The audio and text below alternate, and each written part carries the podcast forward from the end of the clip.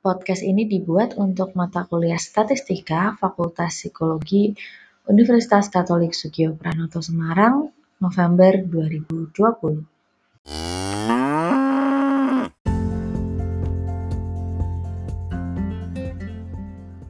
Oke, kita bertemu lagi untuk masih membicarakan soal SPSS dan sekarang kita akan ngomongin bagaimana kita menganalisis data dan membaca hasil analisisnya. Oke, okay? untuk itu silakan teman-teman pindah ke slide yang kedua. Pindah ke slide yang kedua. Nah, uh, kita akan mulai dari uh, mencari cara untuk menganalisis data atau mencari perintahnya. Oke. Okay? Nah, Eh, teman-teman balik lagi ke boleh di data view, boleh di variable view sama aja. Tapi di data tadi lihat di bagian atas yang saya lingkari merah, yaitu tulisan analyze, ya kan? Ada tulisan analyze di situ. Silakan teman-teman klik di tulisan analyze dan nanti akan muncul banyak sekali pilihan di uh, tab analyze itu. Nah, kita pilih yang mana? Oke, okay, next uh, ke slide yang berikutnya, slide ketiga. Kalau teman-teman udah klik yang analyze, nah kan ada banyak tuh. Kita cari dari yang atas dulu. Urutan di versi Anda mungkin nggak sama persis sama urutan di uh, tempat saya. Tapi dari sekian banyak itu silahkan pilih yang descriptive statistics. Di situ ada descriptive statistics. Pilih di situ. Terus nanti di deskriptif statistik pun juga ada banyak sekali pilihannya. Kamu pilih yang frequencies. Jadi di deskriptif statistik, kamu pilih yang frequencies. Oke, kalau sudah pilih frekuensi, kita ke slide yang berikutnya. Akan muncul kotak kecil yang menimpa data view atau variable viewmu, ya kan? Akan muncul ada kotak kecil yang nanti menimpa entah data view, entah variable view yang tadi kamu buka. Nah, apa yang perlu kita lakukan di situ? Yang perlu kita lakukan adalah kita akan memasukkan data ke situ.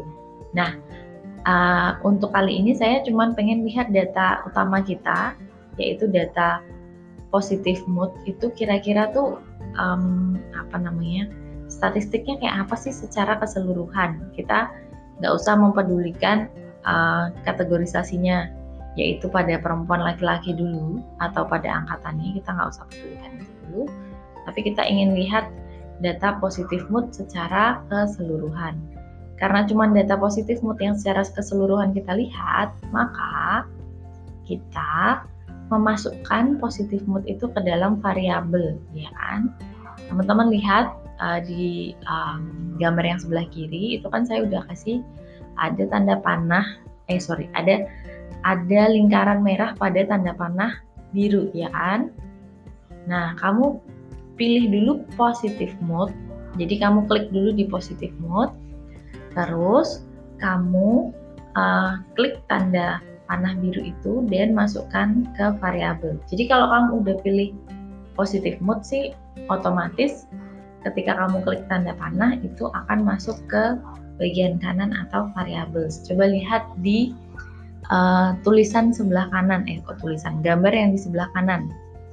Setelah udah diklik, maka akan kelihatan tuh uh, positif mood pindah ke list variabel, ya kan? Di tempatmu harusnya juga kayak gitu ya.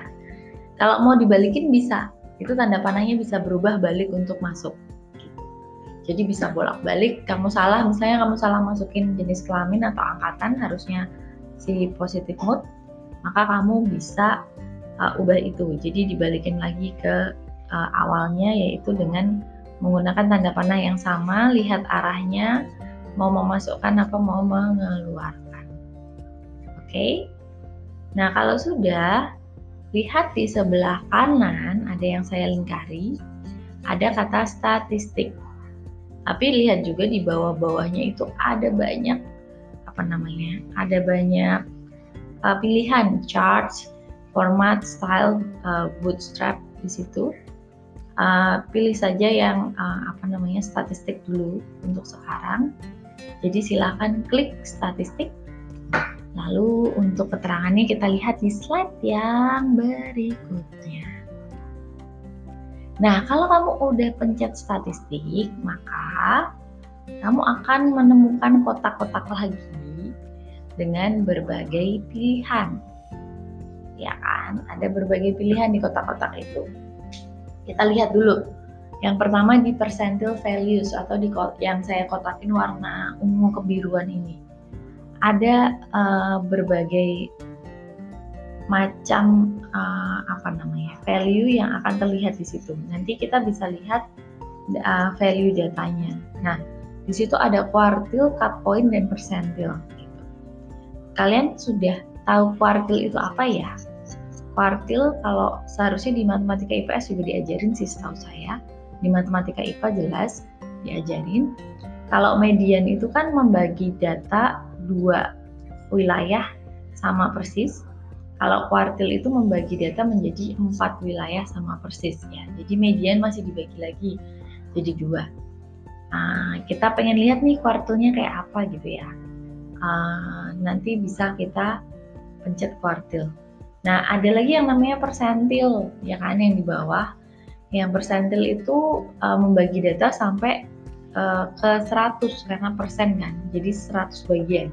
Kalau kuartil itu 4 bagian, median itu dua bagian, kalau persentil itu sampai ke 100 bagian. Gitu. Nah, persentil ini nanti akan banyak sekali dipakai di tes-tes psikologi. Tapi sekarang kita nggak usah lihat persentilnya dulu kita akan langsung lihat di yang lain. Sebelah kanan yang saya kotakin merah itu ada tulisannya central tendency atau tendensi sentral yang pada kuliah sebelumnya udah sering banget saya omongin. Ada tiga tendensi sentral yang sering dipakai yaitu mean, median, dan modus. Cek tentang ketiganya, mean, median, dan modus. Oke. Okay? kalau udah dicentang tiga-tiganya min median dan modus sorry uh, kalian lihat di kotak yang warna hijau bagian bawah itu ada tulisan dispersion ini juga kita udah belajar sih kemarin. Ini ada yang namanya standar devi deviasi ya kan? Jadi uh, deviasi pengukuran. Nah terus ada juga yang namanya variance nah kita udah sempat belajar variance ya kemarin. Juga range range data. Lalu ada minimum dan maksimum. Artinya uh, data tertinggi dan data terendah itu ada pada nilai berapa. Lihat sekali lagi, perhatikan sekali lagi, ada banyak pilihan dan ada banyak yang saya centang. Silakan samakan uh, centangan ini dengan uh, centangan yang ada di SPSS kalian masing-masing. Kalau sudah di continue, silakan di continue, lalu kita pindah ke slide yang ke-6. Oke, pindah ke slide yang ke-6. Seharusnya habis kalian continue, kalian akan balik lagi ke kotak frekuensi awal, ya kan? Ke kotak yang tadi. Lalu untuk berikutnya kita akan buka charts. Jadi tadi kan kamu pilih statistik ya. Sekarang kamu pilih bawahnya yaitu charts. Klik di charts. Kalau udah klik di charts, pasti kamu akan menemukan pilihan ini. Ada beberapa tipe charts yang bisa kamu pilih. Nah, sekarang kita pengen lihat nih perbandingannya dia sama kurva normal. Maka dari itu di chart kamu pilih yang histogram, ya kan? Lingkarin yang histogram sama seperti yang saya hijau-hijau itu. Lalu centang di tulisan show normal curve on histogram. Karena itu akan nanti jadi uh, apa namanya pembanding sama uh, si kurva normal. Jadi datamu itu nanti akan diolah dan dikasih tahu bahwa ini udah mirip belum sih sama kurva normal atau belum. Begitu? Paham? Kalau tidak paham boleh diulang bolak-balik bolak-balik. Lalu kalau sudah paham silakan kita ke slide berikutnya yaitu slide nomor 7. Kalau sudah kita tinggal eksekusi. Nah, ini untuk uh, versi yang versi saya 27 itu ada pilihan create APA style tables. Nah, apa itu uh, APA style tables? Oh, jangan lupa juga uh, centang display frekuensi tables ya kayak di sini. Terus kalau dicentang ada mungkin di antara kalian yang sudah versi terbaru ada tulisannya create APA style tables. Kalau ada kamu centang. Tapi kalau nggak ada nggak apa-apa sih. Ini tentang tampilan. Jadi uh, besok lama kelamaan kalian akan tahu bahwa ada tampilan standar, uh, yaitu uh, tampilan uh, yang diakui dalam uh, sistem penulisan ilmiah psikologi. Nah itu namanya APA style. Nah itu akan lebih baik kalau kamu pakai APA style karena kamu nanti nggak usah ganti-ganti format kolomnya. Kalau kamu nggak ada APA style ini nanti kalau kamu skripsi kamu harus ganti-ganti format kolomnya. Tapi kalau ada ini kamu tinggal centang nanti skripsimu jadi lebih lancar. Kalau nggak ada nggak apa-apa ya karena ini hanya tampilan saja. Oke kalau sudah kamu klik oke. Okay, dan kita interlude dulu terus kita akan lihat hasilnya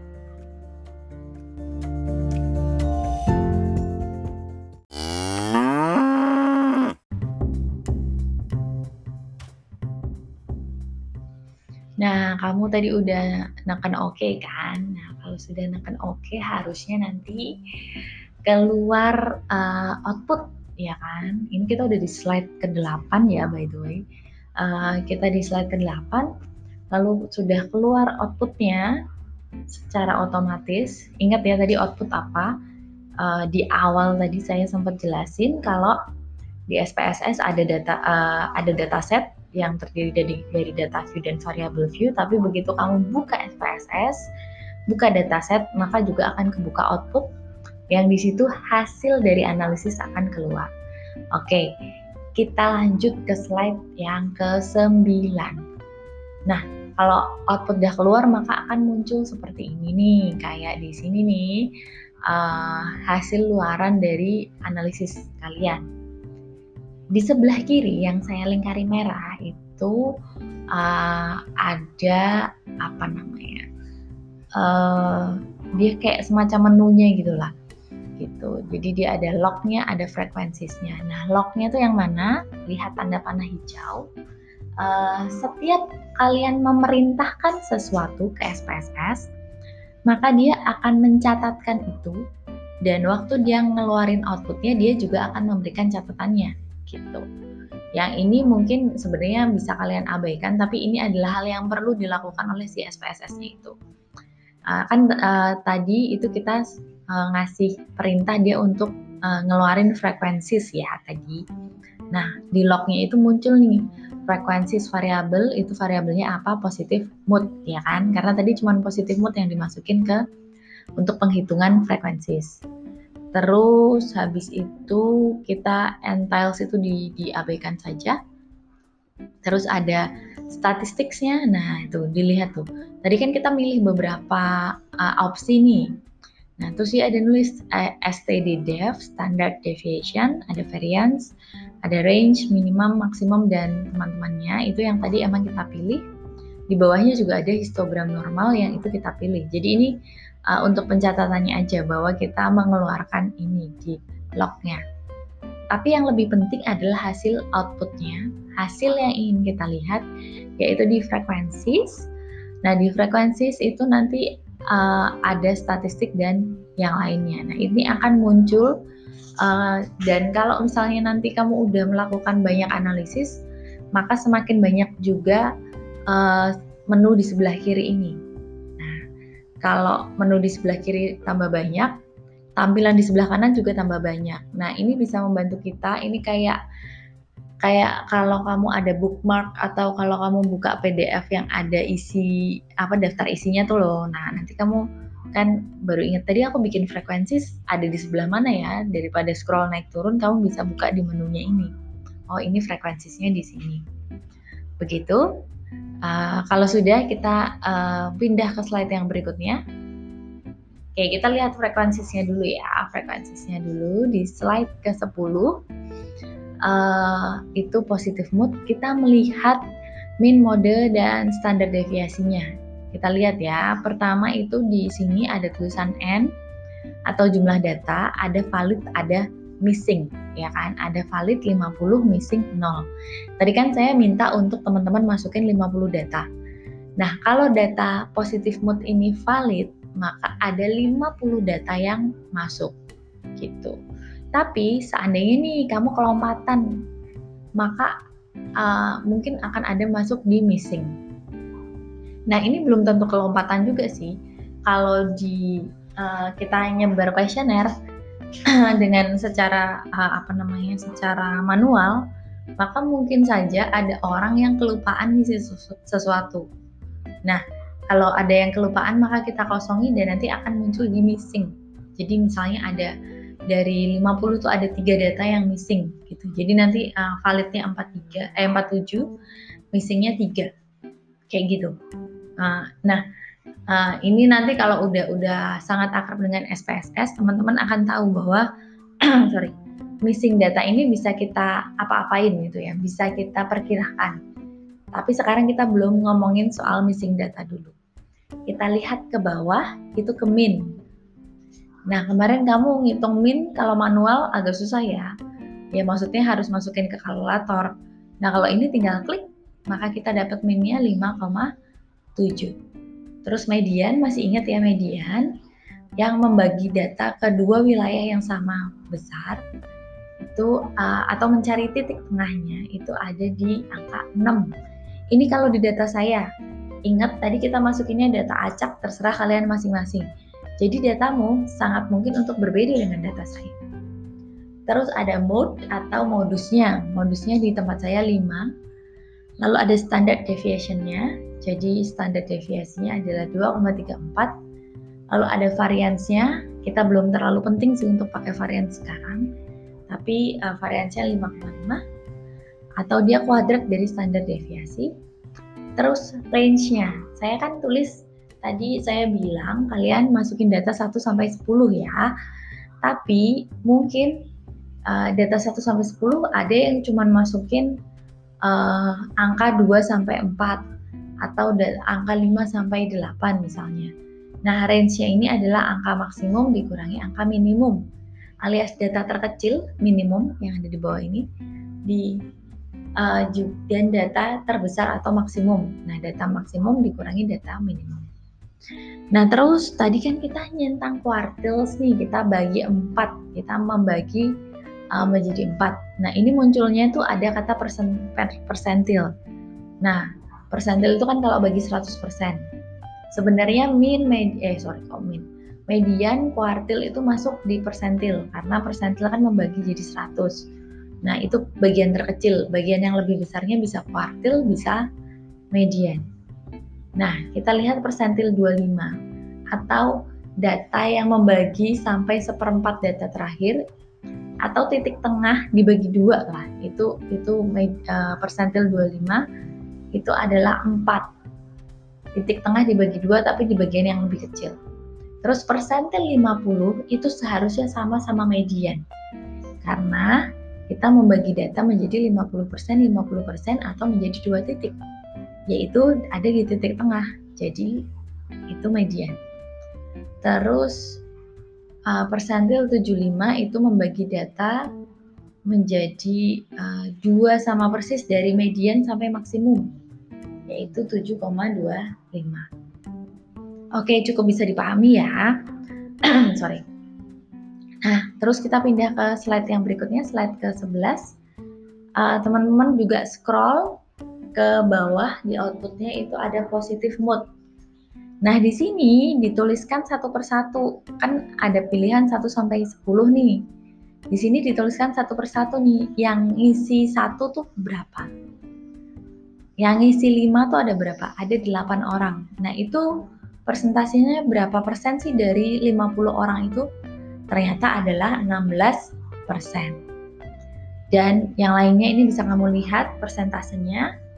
Yang ini bisa membantu untuk membuat histogram gitu. Nah, kita lihat histogram di slide berikutnya, slide ke-12. Nah, lihat histogramnya. Ini dari 0 sampai 10 dilihat frekuensinya masing-masing. Terus ada gambarnya nih, ada gambar kurva normal. Nah, kurva normal ini digambarkan untuk membantu kita mengetahui apakah data kita ini udah menuju ke kurva normal.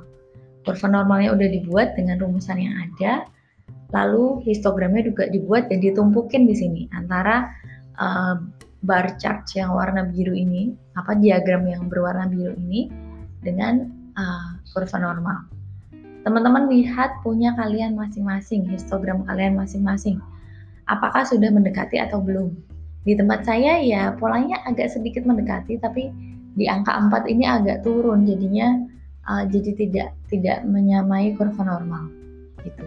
Nah, pertanyaannya apakah kalau sudah kelihatan mirip dengan kurva normal, apakah itu bisa dibilang normal? Nah, sebenarnya kita nggak boleh buru-buru bilang sih kalau sekarang, karena ada pengujian statistiknya untuk tahu dia normal atau enggak. Tapi setidaknya dengan histogram ini kita bisa tahu data aku tuh kacau apa enggak sih. Data aku tuh berat di sebelah mana sih? Jangan-jangan berat di angka 10 atau 9 gitu. Nah, itu dari situ kita bisa lihat. Oke, itu dulu untuk membaca data. Setelah ini kita akan coba input, eh sorry, analyze sedikit lagi untuk mendapatkan hasil data yang lain.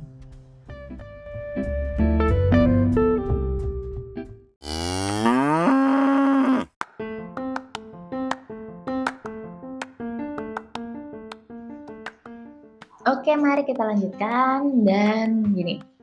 Tadi kan udah udah lihat ya datanya dari positive mood Terus mungkin dari beberapa dari kalian mikir, Bu, terus tadi buat apa kita masukin jenis kelamin sama satunya lagi apa tadi? Uh, angkatan gitu. Oh, kurang asik nih kalau cuman ngeliat datanya positif mood doang kan pengen lihat nih perbandingannya sama angkatan sama jenis kelamin. Oke. Okay. Karena itu kita akan belajar satu analisis lagi, analisis deskriptif lagi uh, yang itu akan kita lihat di slide berikutnya. Oke, pindah ke slide 14 ya. Nah, di slide 14 kita akan kembali lagi nih di dataset tadi. Kan tadi kamu buka output nih, sekarang buka lagi datasetnya. Terserah mau di variable view, mau di data view boleh. Um, apa kamu buka analyze, ya kan? Analyze Terus kamu buka descriptive statistics, ya, descriptive statistics. Terus pilih cross tab. Oke, ada analyze, ada descriptive statistics, terus ada cross tab. Silahkan dipilih, lalu diklik dan akan muncul kotak baru lagi. Jadi kalau tiap kali kita nganalisis, pasti si SPSS ini akan nanya, kamu mau analisis apa nih? gitu. Nah, makanya akan muncul kotak-kotak kecil ini untuk membantu kita ngasih tahu si SPSS nih, kita tuh maunya kayak gini nih loh, gitu. Nah, uh, lagi-lagi ada tiga variabel yang muncul, tapi perlu kita masukkan nih ke uh, apa rumusannya SPSS. Nah, di sini kita pengen lihat tampilan perbandingan positif mood antara uh, angkatan dan jenis kelamin. Nah, karena karena positif mood yang jadi apa namanya? Dia jadi hal yang dilihat. Kalau kalau di penelitian itu namanya variabel dependent. Di sini kita mungkin belum ngomongin variabel tapi saya akan bilang bahwa di sini dia adalah um, gagasan atau ide atau penilaian yang ingin kita lihat. Maka positif mood tolong dimasukin ke row. Ya, lihat tanda panahnya di sebelah kiri itu uh, positive mood masuk ke situ.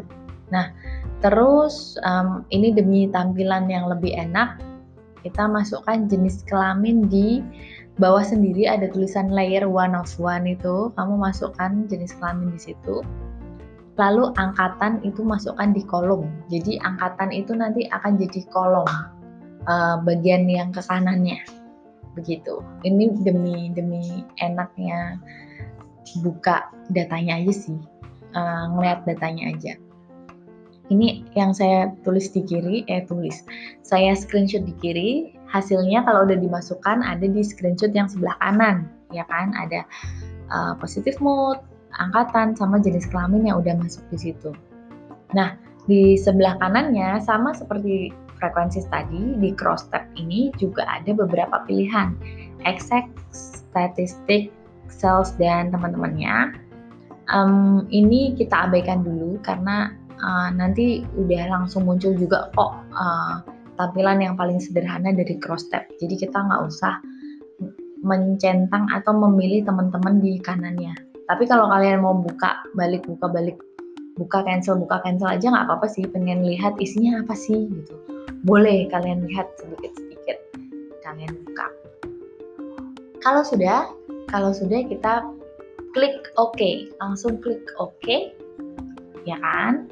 Kalau sudah klik OK, kemudian akan muncul seperti di slide 16. Kita buka slide 16.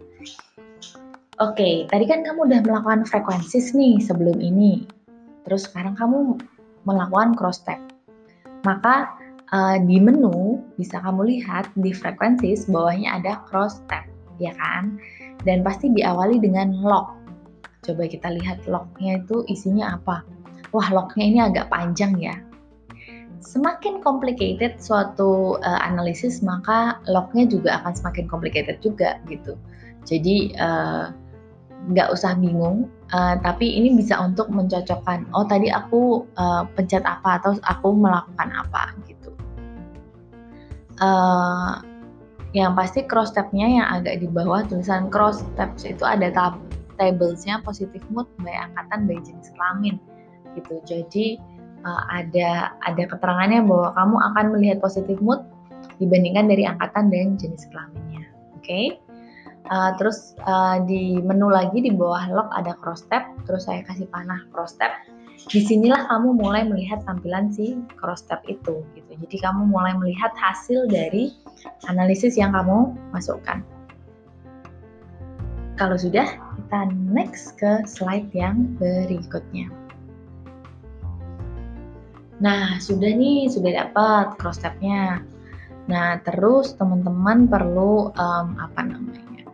melihat lagi secara uh, garis besar dulu. Sama kayak tadi yang frekuensi itu kan kita ngelihat n-nya atau jumlah sampel yang masuk. Nah, di case processing summary ini kalian juga ngelihat nih ada berapa persen sih uh, data yang valid. Oh, ternyata dari 50 itu 100% valid. Yang missing atau kamu lupa nulis itu nol gitu. Jadi uh, tidak ada yang lupa ditulis datanya apa. Ini mirip sama di frekuensi di awal tadi. Nah, kita ke slide berikutnya, slide ke-18. Nah, di sini langsung muncul kabel yang cukup gede gitu ya. Uh, tabelnya cukup complicated. Nah, di sini akan ada um, paparan dari masing-masing jenis kelamin dan masing-masing angkatan itu uh, menunjukkan nilai berapa gitu. Misalnya nih, misalnya saya pengen tahu positif mood anak-anak cowok kalau eh, kelas 2020 atau angkatan 2020. Saya pengen tahu nih mereka yang positif moodnya bagus, yang nilainya antara 8 atau 9 itu ada berapa orang atau ada berapa persen dari mereka. Maka saya tinggal lihat di tabelnya di sebelah kiri ada pilihan antara laki-laki atau perempuan, tentu saya pilih laki-laki dan isinya positif mood. Positif moodnya ada range angkanya dari 1 sampai uh, eh, 9 karena yang cowok kayaknya nggak ada yang 10. Terus di sebelah kanan ada angkatannya 2018, 2019, 2020. Nah, jadi saya tinggal cari nih laki-laki 2020 yang nilainya 8 sampai 9.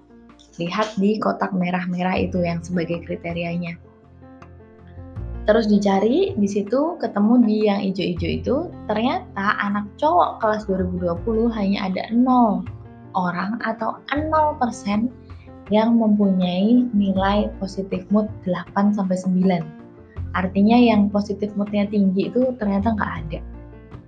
Gitu. Oke, cukup bisa dipahami.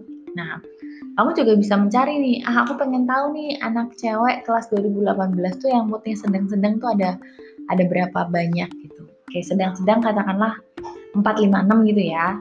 Uh, berarti anak perempuan usia uh, angkatan 2018 um, yang untuk skornya 4 itu ada satu atau 33 persen.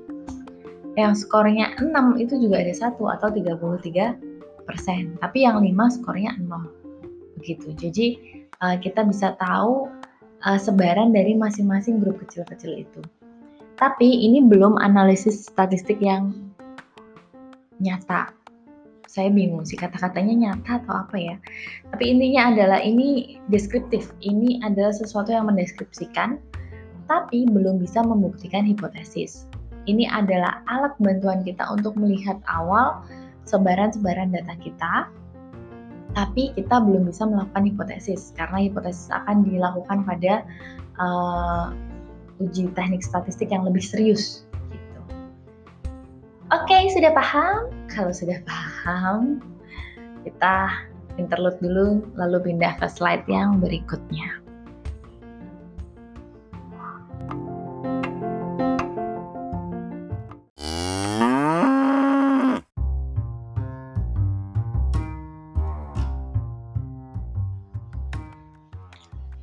Okay, kalian sudah melakukan dua analisis deskriptif sederhana dan dasar uh, yang uh, bisa dilakukan untuk uh, mengolah sedikit data di SPSS.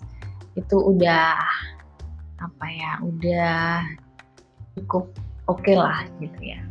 Mungkin ada yang langsung lancar banget gitu ya. Kalau yang mungkin penggemar IT berat gitu ya, yang gampang menguasai komputer mungkin ada yang menguasai dengan cepat sekali, ada yang mungkin butuh pelan-pelan dan butuh diulang berkali-kali. Nah, untuk itu saya available di live chat. Silakan bertanya di live chat kalau ada hal-hal yang kamu bingungkan. Gitu. Jadi kalau ada hal-hal yang kok saya nyoba gini tampilannya nggak ini ya Bu, kok uh, punya saya aneh ya gitu. Nah silakan kamu uh, tanya ke saya di live chat. Saya akan standby sampai jam uh, 11 di situ. Nanti silahkan bertanya dan atau membaca pertanyaan teman-teman kalau ada yang punya masalah yang sama. Oke, okay? uh, live chatnya udah ada di cyber. Terus next step kita ngapain? Ini udah slide ke-19 ya. Kita pindah ke slide yang ke-20. Jangan lupa di save, oke? Okay? Jangan lupa disimpan. Ingat, ada dua file setiap kali kamu membuka SPSS. Hasilnya tadi sama tempat kamu nyimpen data. Jadi tolong save dua-duanya. Nah saya nggak tahu nih versinya kan macem-macem ya. Tapi kalau bisa output sama datasetnya itu namanya sama. Jadi mereka punya nama yang sama. Misalnya kamu tulis uh, data satu gitu ya, maka outputnya data satu, uh, inputnya atau datasetnya juga data satu. Ini untuk memudahkan kita. Kalau besok udah banyak banget datamu, kamu nggak akan bingung ini mana yang uh, jodohnya yang mana gitu loh. Karena mereka mungkin jodohnya akan terpisah gitu ya. Tapi kalau misalnya kamu udah menamainya sama pasti kamu akan bisa um, apa namanya mengetrek lagi dari awal. Nah jangan takut kalau misalnya kamu lupa nyimpen output output kadang kita suka lupa nyimpen gitu yang penting dataset di uh, disimpan dan kamu ingat dengan persis langkah-langkah untuk melakukan, kamu bisa membuat output lagi. Gitu. Oke? Okay? Jadi kalau misalnya outputnya lupa disimpan, yang penting datanya disimpan, maka uh, kamu bisa membuka datamu lagi terus mengulangi cara-cara tadi sehingga bisa keluar output baru kamu simpan. Nah, kalau outputnya yang disimpan tapi datasetnya yang nggak disimpan itu agak gawat sih. Karena kamu tahu hasilnya, tapi data aslimu nggak ada. Kalau deskripsi itu agak-agak parah sih. Seharusnya tidak, kayaknya nggak mungkin sih sampai kayak gitu. Tapi kalau untuk tugas mungkin kadang ada yang kelupaan, data yang nggak disimpan, outputnya disimpan. Lebih baik disimpan dua-duanya karena apa? Misalnya dalam output itu kamu menyadari bahwa ada data yang salah, kamu kan perlu perbaiki di dataset. Atau kamu udah selesai menganalisis tapi analisismu salah kan kamu harus ulangi lagi analyze di dataset yang itu cuman ada di uh, dataset di input gitu. Jadi usahakan dataset itu pasti kesimpan karena dia jauh lebih penting. Uh, datanya udah ada kan kita bisa ulangi analyze. Kalau outputnya hilang, asal kamu masih ingat caranya, kamu bisa bikin lagi. Tapi kalau datasetnya hilang, kamu kan nggak ingat kemarin datanya apa aja. 50 data positif mood itu kan kamu nggak bisa ingat. Jadi uh, jangan lupa save dua-duanya, terutama yang data set gitu. Oke? Okay? Kalau nggak ke save, output nggak ke save masih agak mending. Kalau dataset nggak ke save itu agak fatal. Dua-duanya nggak ke save, ya sudah lah gitu ya. Uh, ya sudah nggak bisa ngapa-ngapain lagi. Jadi tolong jangan lupa save dua-duanya.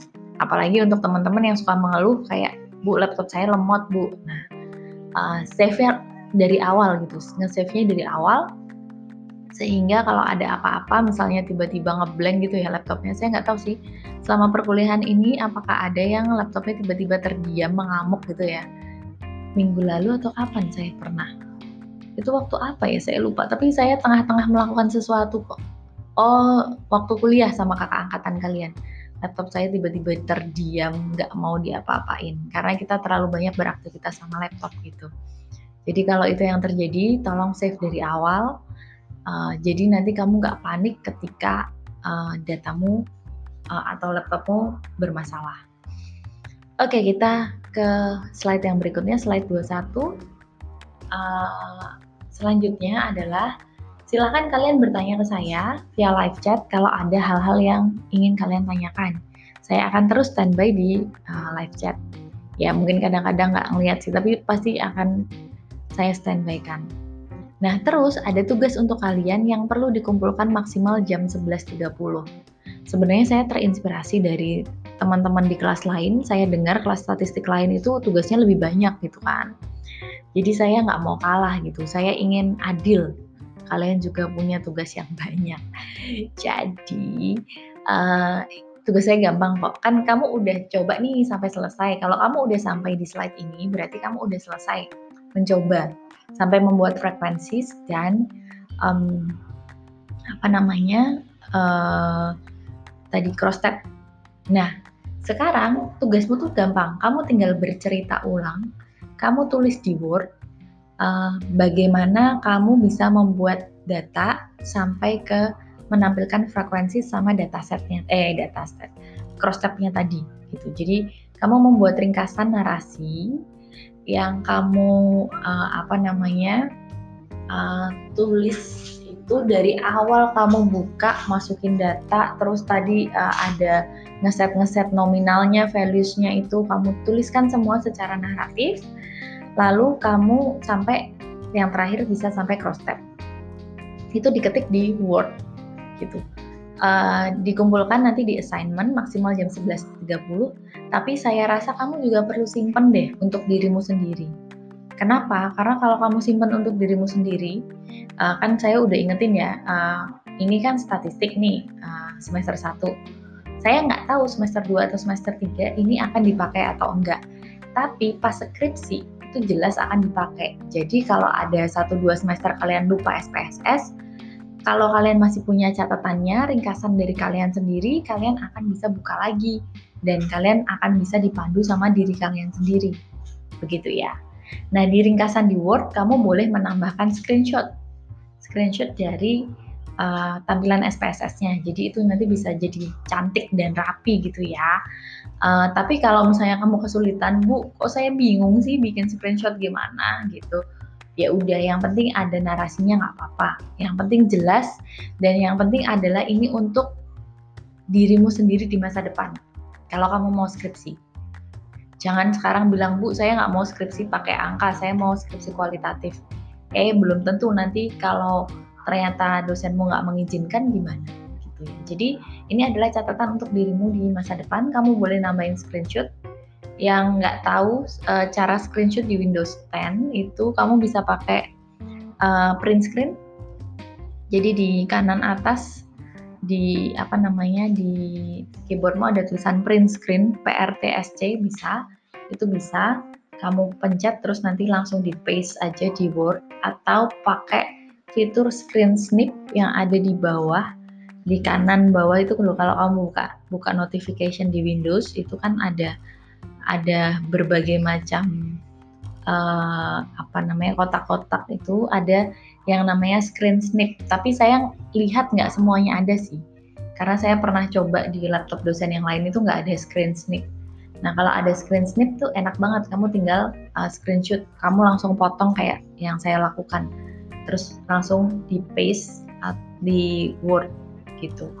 Atau uh, tombol cepat itu adalah Shift, terus tombol Windows dan S. Itu kamu langsung ngasih screenshot.